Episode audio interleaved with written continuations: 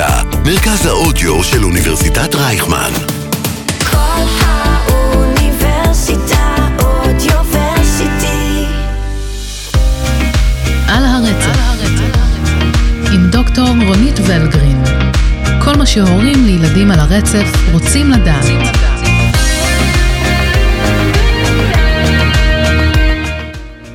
שלום, ותודה שהצטרפתם אלינו לעונה השנייה של פודקאסט על הרצף עם דוקטור רונית ולגרין. אני ענת גרינבלום, אימא לילד על הרצף האוטיסטי, ואחרי הפסקת קיץ ארוכה, אנחנו חוזרות להמשיך ולעסוק במה שחשוב ומעניין את ההורים לילדים על הרצף האוטיסטי, וגם אנשי ונשות טיפול שמאזינים ומאזינות לנו. אז בהזדמנות הזו נודה לכל המצטרפים החדשים שמגדילים את קהילת פודקאסט על הרצף, שיחות על אוטיזם בפייסבוק, ועוד משהו קטן. אם אתם מאזינים לנו דרך אפליקציית ספוטיפיי, אז uh, דרגו אותנו. יש שם אופציה כזו וזה מאוד מאוד נחמד. הפרק הזה אנחנו מדברות על אפרקסיה ומתייחסות לקשיים ורבליים. היי רונית. בוקר טוב. טוב, איך זה לחזור אחרי הקיץ? וואו, קשה, קשה, אחרי טיולים ביוון וים ואווירת קיץ, אה, כן, אבל אה, מה שעוזר לעניין שלא הפסקנו לעבוד גם בקיץ, כך שאנחנו בסדר, אנחנו בסדר. טוב, אה, אצלי הייתה, ועדיין, התחלה מאוד מאוד קשוחה. אולי נקדיש לזה פרק בהמשך. אני אדבר על כל מה שאני חווה במסגרת השילוב של הבן שלי בפעם הראשונה מאז שאובחן בגן חובה. בחינוך רגיל, ואיך אני הגדרתי את זה לא מזמן? אני מהנדסת מציאות עם אין סוף נעלמים. וזו התחושה, ואין גוף שמרכז את זה, ואין יד מכוונת, ויש המון אה, אה, ספק אה, נשמות טובות אה, כאלה ואחרות שיכולות אולי לתת את הסיוע וההכוונה, אבל בתמורה לתשלום. ענת, פרק על שילוב. כן, יש לנו פרק מעולה על שילוב, אבל אני חושבת שפה זה משהו שהוא ממש אה, יוכל אה, אולי לדבר, אני ככה אוספת את כל הנתונים, ואני מבטיחה שאני באמת אקליט משהו בהמשך, שידבר באמת על מיצוי זכויות שלנו כהורים, דברים שלא לא מוסברים, לא מודעים, ולמרות שהם מחוקקים ויש להם תקינה, לפעמים אנחנו מוצאים את עצמנו אפילו ברמה של אה, לריב עם קופות החולים. לקבל החזר שמגיע לנו, לא, ולא משהו שהוא פריבילגיה או משהו נוסף. והבעיה המרכזית היא לדעת שמגיע לך, בגלל שאף אחד לא שש לספר לך שמגיע לך אי אלו זכויות, חובות בוודאי שכן, ואז את צריכה לדוג, את צריכה לחפש, את צריכה לדוג. כן. כן. לא פשוט. לא פשוט בכלל, אבל אה, לצד זה לראות אה, ילד אה, שמח שרץ לגן בשמחה. ולשמוע המון המון פידבקים uh, חיוביים. נהדר. זה, זה ממלא חזרה את משאבי האנרגיה האבודים, ממלא את הלב ונותן המון המון uh, נחת וכיף. נהדר. בואי נתחיל. היום אנחנו מדברות על עניינים ורבליים. מה זו אפרקסיה? אנחנו נדבר על אפרקסיה. כשאני למדתי לפני 100-200 שנה, דיברו על דיספרקסיה ועל אפרקסיה. כשאפרקסיה זה היה לא, אין, קושי מאוד מאוד uh, משמעותי, ודיספרקסיה היה uh, קושי סביר, זאת אומרת, אפרקסיה היה חוסר יכולת ודיספרקסיה היה קושי. היום המונח דיספרקסיה די התפוגג, ומדברים על ילדים או אנשים אפרקסים.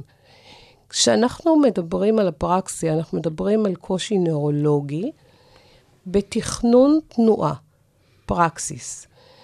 זאת אומרת, כשאני מדברת, אני מפעילה את אברי ההיגוי שלי. אני לא חושבת על זה, אני אפילו לא... פה, לשון, נשימה. פה, לשון, שפתיים, לחיים, תיבת הקול. אני לא חושבת על זה, כשזה עובד טוב, זה עובד טוב, אנחנו לא משקיעים בזה מודעות בכלל. אבל יש איזשהו מנגנון, אני עושה את זה ממש... אה, אה, פשוט, כן, מונגש. כן, בדיוק, פשוט ומונגש, כי זה קל להבין. יש מנגנון נוירולוגי שאחראי על ת, אה, תכנון תנועה.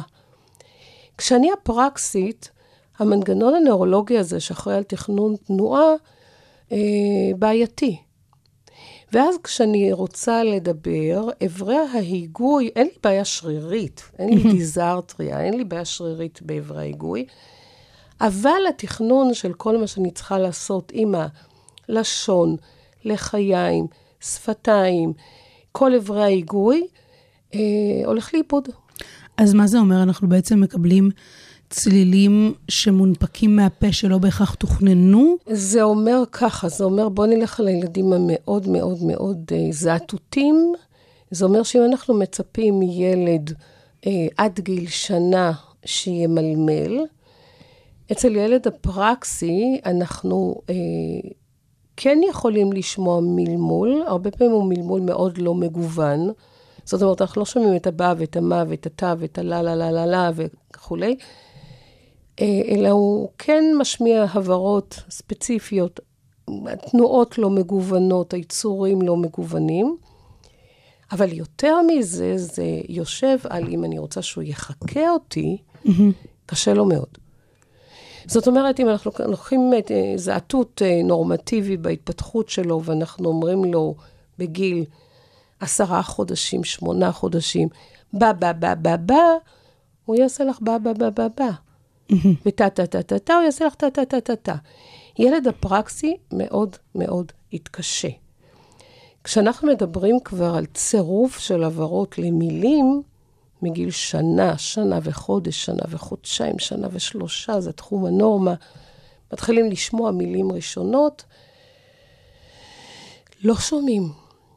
כי היכולת שלו, גם אם יש לו את הבא, היכולת שלו לקחת את הבא ולקחת את האה ולעשות אה, בא, אני פה צריך לתכנן את האה, ואז לשנות את התוכנית שלי של לבא. התנועתיות לבא, ואם יש לי בעיה בתכנון תנועה, זה לא יוצא.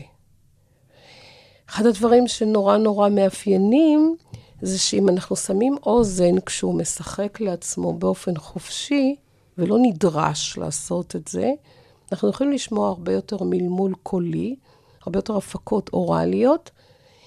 כשאנחנו רוצים שהוא יגיד משהו במכוון או יחכה, מאוד מאוד קשה.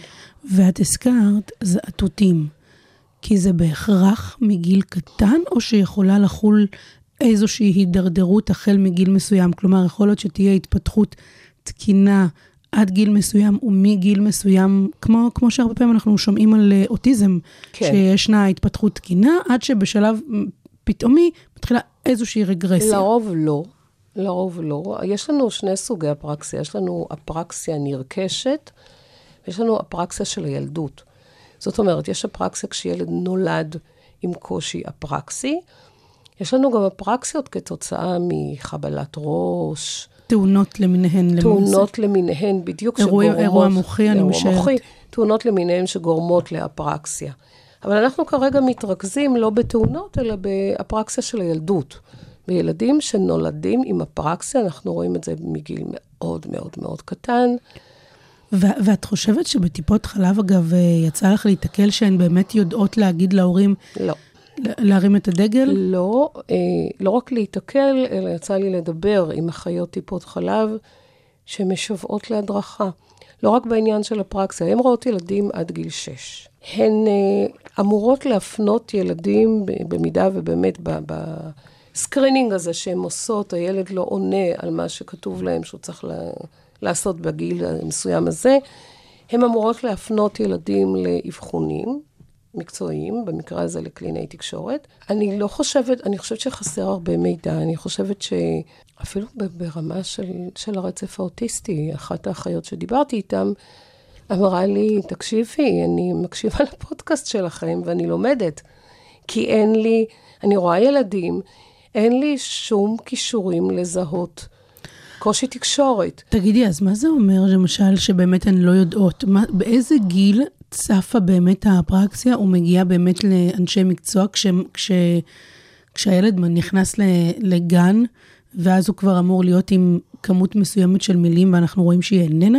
כן, אנחנו יודעים, יש, יש איזשהו מודל גדול של התפתחות. אנחנו יודעים שמגיל שנה ילד מתחיל להשמיע מילים ראשונות, עד גיל שנתיים הוא צובר יותר ויותר ויותר מילים ללקסיקון הוורבלי שלו, עדיין מדבר ממילה בודדת, מגיל שנתיים, שנתיים וחודש, שנתיים וחודשיים, מתחיל לצרף לנו שתי מילים, מהר מאוד עובר למשפטים. זאת אומרת, ילד בן שנתיים וחצי מדבר. כשאנחנו רואים, זה, זה, זו גם מערכת שצריך קצת ללטש אותה. כי כשאנחנו רואים ילד בן שנתיים, שחס, שיש לו מילים בודדות בלבד, או לחילופין, שהמלמול שלו מאוד מצומצם, או לחילופין, שהוא, יש לו מילים, אבל המובנות דיבור שלו מאוד קשה. אני לא מצליחה להבין כלום ממה שהוא אומר, והוא לא, הוא לא מג'ברש, הוא כן רוצה להגיד מילים, אני לא מבינה כלום ממה שהוא אומר. כבר צריך להפנות לקלינאי תקשורת, לא לחכות, לא לחכות. אז מי, אז מי שמאבחן אפרקסיה, זו קלינאית תקשורת? נכון. היא כותבת את ההבחנה אפרקסיה, נכון. והיא מציעה את הטיפול בעצם ל... נכון. עכשיו, לא ממהרים אה, לתת את הכותרת הזו, הפרקסיה. זאת אומרת, כשילד מגיע אליי בגיל אה, שנה ועשרה חודשים, ואין לו עדיין מילים, או שיש לו מילים בודדות ממש, יש לו קושי לחכות הבהרות שאני נותנת לו תוך כדי משחק. אני עם סימן שאלה לכיוון הפרקסיה, אבל אני עוד לא אשים את הסטמפה, אני עוד לא אשים חותמת על הפרקסיה, צריך כן, בהחלט להכניס אותו לטיפול, ולהתחיל לעבוד איתו. יש רופאים נוירולוגים או נוספים שלוקחים חלק בהבחנה הזו? לא, קלינאי תקשורת. במקרה הזה, קלינאי תקשורת, אין צורך באבחון נוירולוגי. אה, כן צריך לכוון את הטיפול לקשיים הפרקסיים. יש דרגות חומרה שונות? כלומר... בוודאי, בוודאי. זאת אומרת, זה, זה, אנחנו מדברים על ספקטרום, אז בוודאי. יש לנו את הילדים שמתקשים למלמל. זאת אומרת שאפילו את הבא בא בא וטה טה טה ומה מה מה בגיל שנתיים, שאני כבר מצפה ממנו עוד מעט לחבר משפטים, הוא עדיין מתקשה לחכות לי הבהר, הבהרות בודדות. זה קשה. זה, זה גם באמת, אני שואלת פה גם את ההבדל בין הקושי ברכישת שפה לבין הפרקסיה. כי יש פה איזשהו טווח אפור ביניהם. נהדר שאת שואלת. ברמת עיקרון, אני מצפה מילד אפרקסי, אם אמרנו שזה קושי בתכנון תנועה וקושי בהפקה של דיבור אוראלי, אני מצפה ממנו שהוא עדיין ירכוש שפה בהבנה. זאת אומרת, אם אין לו קושי שפתי, אני מצפה שכן, שיהיה לו קשה להגיד לי את האוטו והבובה והכדור והמכונית. אבל אה, כשאני אשים תמונות על השולחן או חפצים על השולחן ואני אגיד, תן לי, ואני לא אדרוש ממנו שום הפקה אוראלית, תן לי בובה, תן לי אוטו, תן לי כדור, תן לי סוס, הוא ייתן לי. כי פה לא נדרש ממנו הפקה אוראלית. אבל לא פעם האפרקסיה מלווה גם בקושי שפתי. זאת אומרת, אני כן עושה הפרדה, אני אישית כן עושה הפרדה בין שפה לדיבור, כי אמרנו בזמנו, באחד הפרקים המאוד ראשונים של הפודקאסט, אמרנו, של הפרעות בתקשורת. בדיוק, אמרנו ששפה זה כל הקוד הזה של מילים, של תחביר, של דקדוק, זה שפה, ודיבור זה רק ערוץ אחד להעברת מסרים שפתיים, במקרה הזה ערוץ אוראלי. מה אני עושה עם אברי ההיגוי שלי, עם תיבת הקול שלי, איך אני מוציאה את זה אוראלית, בקול, אוקיי? אז אני כן עושה הפרדה בין שפה לדיבור. האפרקסיה משפיעה לנו על הפקת דיבור, אבל אני כן, אנחנו כן יכולים לראות ילדים אפרקסיים שמציגים גם קושי שפתי. יש אפרקסיה בלי אוטיזם? ללא קשר לאוטיזם? אפרקסיה היא ללא קשר לאוטיזם. כי יש, כי מחברים ביניהם הרבה מאוד פעמים. זאת אומרת, אוטיזם לא ורבלי. נכון. אה, בואי, בואי נלך עוד צעד אחד אחורה. יש אפרקסיה שהיא משפיעה על המוטוריקה של הגוף. לא רק דיבור. זאת אומרת, אם אנחנו אמרנו שהמנגנון של תכנון תנועה נפגע, ילד אפרקסי, שהוא לא רק אפרקסיה אוראלית, לא רק בקטע של דיבור, יתקשה לכפתר כפתורים, יתקשה לשרוך נעליים, יתקשה לפעמים לעשות פאזלים. אנחנו רואים את ה, לפעמים את הקשיים בתכנון תנועה, גם במוטוריקה הגסה של הגוף. חשוב אולי להגיד פה, כי אני ממש נזכרת בכתבה על אייל שחל המחונן והמדהים שעשה עליו אה, רוני קובן, אה, ובאמת אחת הדוגמאות שם היא הקושי של הפרקסיה שבא לידי ביטוי למשל בלמלא בקבוק מים מברז. נכון, נכון, זאת אומרת, הקוגניציה היא מדהימה, נכון. הוא מחונן, ויחד עם זאת, ההתארגנות לכדי תנועה פיזית, התכנון הזה... הדיסוננס בין הדברים הקטנים של החיים היומיומיים, ובין היכולת של הבנה, במקרה הזה, אני מסייגת, במקרה הזה שלו, היא, הוא ענקי. אבל עוד פעם, יש לנו את הפרקסיה הכללית, יש לנו את הפרקסיה האוראלית. אנחנו כרגע מתרכזות בפרקסיה שגורמת לנו לבעיה בהפקת דיבור. עכשיו אני חוזרת לשאלה שלך לגבי האוטיזם. הפרקסיה היא לא אה, סממן של אוטיזם. זאת אומרת, ילד הפרקסי לא נכנס לתוך התסמינים של הספקטרום האוטיסטי. של ה-DSM, אוקיי. יש לנו ילדים אפרקסים לחלוטין בלי קשיי תקשורת. כן, אנחנו רואים שלא מעט ילדים על הרצף האוטיסטי מציגים גם קשיים אפרקסיים. זאת אומרת, זה שני תסמינים שיכולים ללכת ביחד. גנטיקאים ונאורולוגים ייתנו לך תשובה יותר מוסמכת משלי, למה? אבל אה, האפרקסיה, בואי נגיד, ילד אוטיסט לא בהכרח יהיה אפרקסי, וילד אפרקסי לא בהכרח יהיה אוטיסט. אוקיי. אמ, איך באמת, אם אנחנו מדברים על זה שיש פה משהו לא נרכש, אלא אנחנו באפרקסיה מולדת, אוראלית, איך מקדמים? איך מקדמים? במק... אני, אני מניחה קודם כל שצריך אה, לחלק את השאלה אולי לשתי שאלות. שאלה אחת זה, מתי אנחנו אולי מבינים שלא ניתן לקדם, ואז חושבים על, בהמשך אולי נדבר על זה עוד מעט, אני אגיע לשאלה הזאת על אה, תת"ח, תקשורת תומכת חליפית. אבל בואי נדבר לפני כן על מתי רואים שכן אפשר לקדם, ואיך מקדמים. בואי נגיד את זה אחרת, אפשר לקדם. אפשר לקדם. אפשר לקדם. עד כמה הילד יכול לסגור פערים? כי מה שאנחנו רוצים זה ילד שידבר. נשים רגע בצד את קשיי התקשורת במקרה שלנו, כן? אבל אנחנו רוצים ילד שיש לו יכולת לדבר.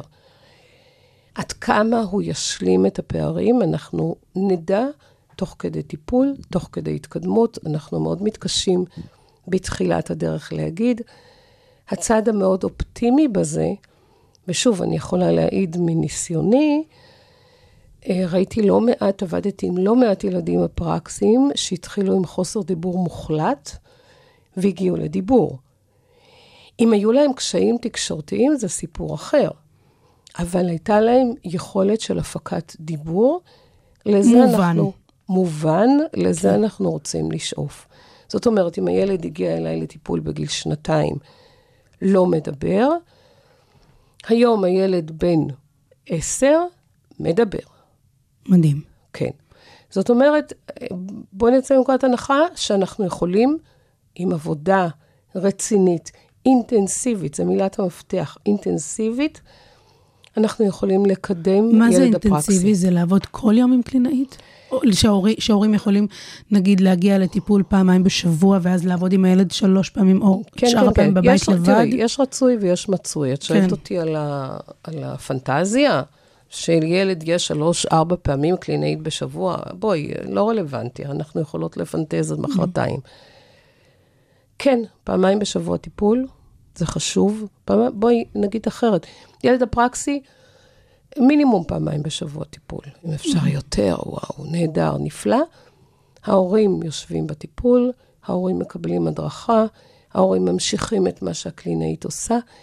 יש משמעות מאוד גדולה לתרגול אצל ילדים אפרקסים. יש משמעות, ואני פה נכנסת קצת לפן הרגשי, שהוא אמנם לא מ, מתחום הידע שלי, אבל אני רואה את זה בקליניקה. ילד אפרקסי שלא פגוע קוגניטיבית, מהר מאוד מפתח מודעות לקושי שלו, מבין שהוא לא מסוגל לספק את הסחורה, ואז אנחנו מקבלים שני סוגי ילדים, את הילדים שמתקפלים בתוך עצמם, עושים צעד אחד אחורה, לא רוצים להתנסות אפילו, לא רוצים לנסות אפילו מתוך הבנה שבמילא הם לא יצליחו, אז חבל על המאמץ. כמו אה, אילמות סלקטיבית כזאת. זה אפילו לא אילמות סלקטיבית, זה כי, כי הילד הזה, כשהוא יהיה, הוא ישחק עם עצמו, את כן תשמעי הפקות קוליות, לא, לא בהכרח מילים. אבל כשאת דורשת ממנו, הוא יימנע, ופה את לא ילד, לא אישיות. יש ילדים שיהיו יותר אגרסיביים, יש ילדים שפשוט אה, יסתובבו, יסובבו את הראש, אבל ומה, ה- ומה הטייפ ה- השני? אני אומרת, יש ילדים שהולכים אה, לכיוון האגרסיביות של הדחיפות והנשיכות וההרבצות זאת אומרת, והתסכול. תסכול. זאת תסכול. אומרת, יש, פה, יש לנו בסופו של דבר ילד שהוא, את אומרת שקוגניטיבית שהוא- הוא לא פגוע, הוא הופך להיות מאוד אם מתוסכל. במידה וקוגניטיבית הוא לא פגוע, אני אומרת את זה אם במידה, אם במידה וקוגניטיבית הוא לא פגוע, וילד הפרקסי, אם במידה וקוגניטיבית הוא לא פגוע, הוא מהר מאוד מבין, מהר מאוד זה גיל שנתיים. קטנצ'יק. מבין שזה תחום שקשה לו, ווואלה לא. ואז המקום שלנו, למרות שאנחנו לא פסיכולוגיות, אנחנו קלינאיות תקשורת, והמקום של ההורים, זה אה, לתת לו המון תמיכה, המון חיזוקים, המון שמחה על, על זה שהוא כן מנסה, לא משנה אם הוא הצליח או לא הצליח, אבל אם הוא מנסה להוציא קול, אנחנו מאושרים, אנחנו מראים לו שאנחנו מאושרים ועושים הילולה סביב הבא בבא שהוא הוציא במקרה אפילו.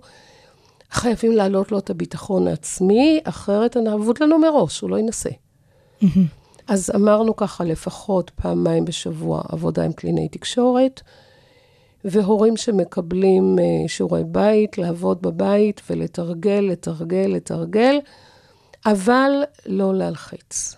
למצוא את, ה, את הנקודה העדינה בין, אה, בנחישות וברגישות.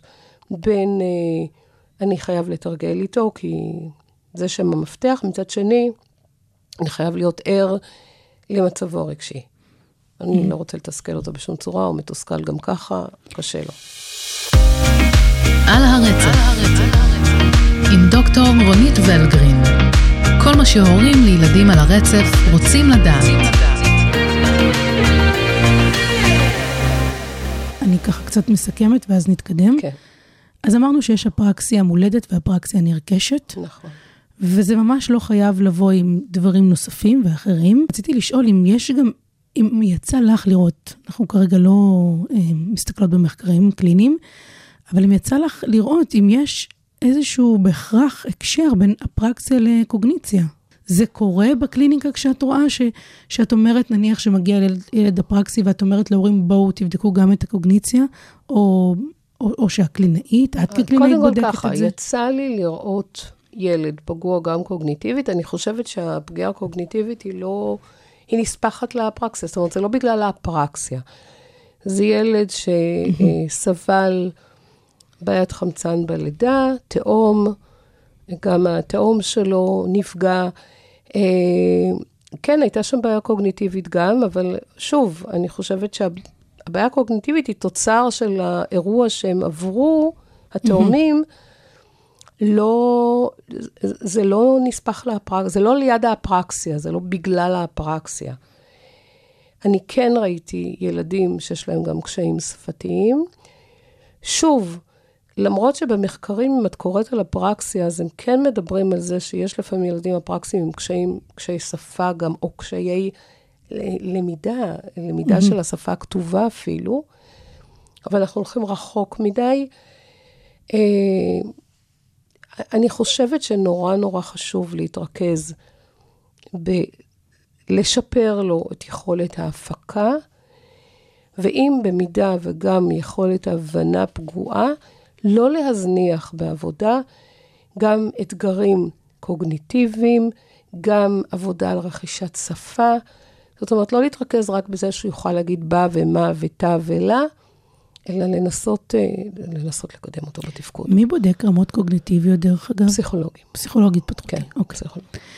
טוב, אז עכשיו אנחנו נחזור לאותה שאלה שדיברנו עליה, הזכרנו את זה לפני כן, על אה, ההבנה שהגיע הזמן להתחיל בעצם להציע לילד שלנו לתקשר באמצעות אה, תת"ח, תקשורת תומכת חליפית. כלומר, יכול להיות שהגענו למסקנה שהקושי הפרקסי, אה, אולי הגענו לאיזשהו סוג של dead end, כלומר, ניסינו, עבדנו, יש אולי הברות, יש אולי מילים בודדות שמצליחים בסופו של דבר להפיק, אבל כדי לקדם את הקשר שלו עם אנשי טיפול, עם יכולות אה, התפתחותיות וכולי, צריך עכשיו אה, לתקשר בדרך אחרת. בואי נדבר רגע על תת"ח. כן. התפיסה שאני מתחיל תת"ח בנקודה של אה, dead end מבחינת הפקה אוראלית היא מוטעית. בגלל זה קוראים לזה תקשורת תומכת חליפית. התת"ח לא חייב להיות תקשורת חליפית. זאת אומרת, זה לא בהכרח ילד שאני מעביר את התקשורת שלו למכשיר פלט קולי שידבר במקומו, או לפקס שהוא יגיש לי את התמונה. התת"ח הוא גם תקשורת תומכת. זאת אומרת, אם נלך על מחקרים, בואי בוא נעשה הפרדה בין מחקרים ובין הניסיון שלי, האישי שלי, ברמה מחקרית, התקשורת התומכת כשמה כן היא. זאת אומרת, אני לא מחכה לנקודה שאני כבר התייאשתי משפה אוראלית כדי לתת לילד תת"ח. אני נותן לזה בו זמנית. זאת אומרת, ילד שאני רואה שמתקשה, גם אם הוא בגיל שלוש, אני אתחיל לתת לו איזושהי תקשורת תומכת נוספת, כדי להימנע מתסכול, כדי שיהיה לו איזשהו ערוץ להביע רצונות, בקשות, מכאובים. אני אתן לו איזושהי תקשורת אחרת, לא דרך דיבור, כדי שיוכל לתקשר עם הסביבה, כי אחרת התסכול הוא עצום. זאת אומרת, אנחנו לא מחכים עם תת"ח, אם נלך לפי מחקרים ולפי קולגותיי הקלינאיות, אנחנו לא מחכים עם תת"ח עד גיל 12, ואז אומרים, אוקיי, לא הצלחנו, הילד לא מפתח אה, שפה אוראלית, דיבור, אנחנו עוברים לתת"ח. לא. אם לילד קשה, והוא כבר, הוא עדיין מאוד צעיר, אבל אם לילד קשה, אנחנו כבר נותנים לו תקשורת תומכת ולא מוותרים על שפה אוראלית בהתחלה. שממה היא מורכבת התקשורת התומכת? בעצם מהמחשות פקס, ויזואליות? בוא נלך, כן, המחשות ויזואליות. אז הילד, כשהוא רוצה את- לשחק בכדור והוא לא יודע להגיד כדור, יביא את התמונה של הכדור. פקס זה כאילו לך- בעצם כרטיסיות. בדיוק, כרטיסיות, פיקצ'רס, והוא ייתן לך את התמונה במקום. זה ברמה המחקרית. עכשיו, אם אני אלך לרמה אישית שלי, ניסיוני במכון, בקליניקה, אני לא עובדת, אני חייבת להגיד, אני, עם יד על הלב, אני לא עובדת תת"ח. לא כי אני לא מאמינה בתת"ח, אלא כי אני נתקלתי בלא מעט סיטואציות שהתת"ח הגיע מאוד מאוד מוקדם, והיה איזשהו ויתור על, על מאמץ, כי על יש מאמץ דרך ערוץ אוראלי. יותר פשוט. יפה. היה איזשהו ויתור על מאמץ אוראלי. אני מברכת את התת"ח כתקשורת תומכת, במידה ואנחנו נאפשר לילד להביא את התמונה של הכדור, אבל אני נתעקש על זה שיעשה, נאמר, הופ, הופ, הופ, הופ, הופ, הופ, הופ, כי זה יותר קל לו מאשר להגיד כדור. אבל הוא כן יעשה, יגיש לי משהו אוראלי. הוא יביא את התמונה של האוטו, כי הוא רוצה לנסוע באוטו, אבל אני לא אוותר לו על הדררר של האוטו, כי אני לא רוצה עוד לוותר על משהו אוראלי. אני מוותר, אני, בואי נגיד אחרת, אני מוותרת על משהו אוראלי בשלבים הרבה יותר מאוחרים. אני ראיתי כבר ילדים בני חמש, שבגיל חמש התחילו לדבר. אז אני לא מוותרת על אוראלי, ראיתי יותר מדי מקרים שאנשים החליטו להשתמש בתת"ח, והמאמץ האוראלי הלך ודהה, וחבל. וחבל, כי עוד פעם, אני ראיתי באמת ילדים עם קשיים לא מבוטלים שהתחילו לדבר בגיל מאוחר. מצד שני, יש לנו את הדוגמה שאת הבאת. של אייל שחל, כן. עוד פעם, אם יש לנו ילד כזה עם קוגניציה תקינה, ו... תקינה פלוס, שרוצה כן להעביר מסרים ולא יכול בצורה של דיבור, התקשורת הזו משפרת לו את, ה... את הקשר עם העולם. תשמעי, היו בכלל, בשנה האחרונה, אה, היו לא מעט פרשיות שבהן אה, אנשים, ברגע שנפתחה בפניהם האפשרות להביע את עצמם באמצעות הקלדה, ויש נכון. גם כל מיני שיטות הקלדה, אז יצאו שם סיפורים נכון, אה, מטורפים על המון המון חוויות. נכון. לא אתייחס לאיזשהו מקרה ספציפי שהורים ודאי אה, שמעו וגם אה, יש מכירים. לי, אני יכולה לספר לך על מקרה, שוב, בלי שמות לחלוטין. ילדון שהיה מטופל אצלי לפני, אם אני עושה חשבון שנים, אז לפני 20 שנה, לא, 17 שנה, הוא היה קטן. היה קשה, על הספקטרום. קשה לו מאוד, מאוד, מאוד בקטע של הפקת דיבור. זאת אומרת, זה תסכול קשה מאוד, מאוד, מאוד, מאוד. אני לא ויתרתי. הוא דיבר, אבל קצת. ובשלב מסוים אה, הקשר התנתק, ולאחרונה נוצר קשר עם אימא שלו, שסיפרה לי, הוא בחור בן 20 פלוס, שהוא מקליד. ופתאום מאחורי ההקלדה התגלה בחור, מה אני אגיד לך? קסם. עם עולם, עולם מלא, עם דעות על המסביב, עם, עם, עם יכולות, עם... אז השורה התחתונה, הפרקסי, לא לוותר מהר מדי על יכולת הפקת הדיבור, לא לוותר. שוב, ראיתי ילדים שגם בגיל חמש פלוס התחילו לדבר.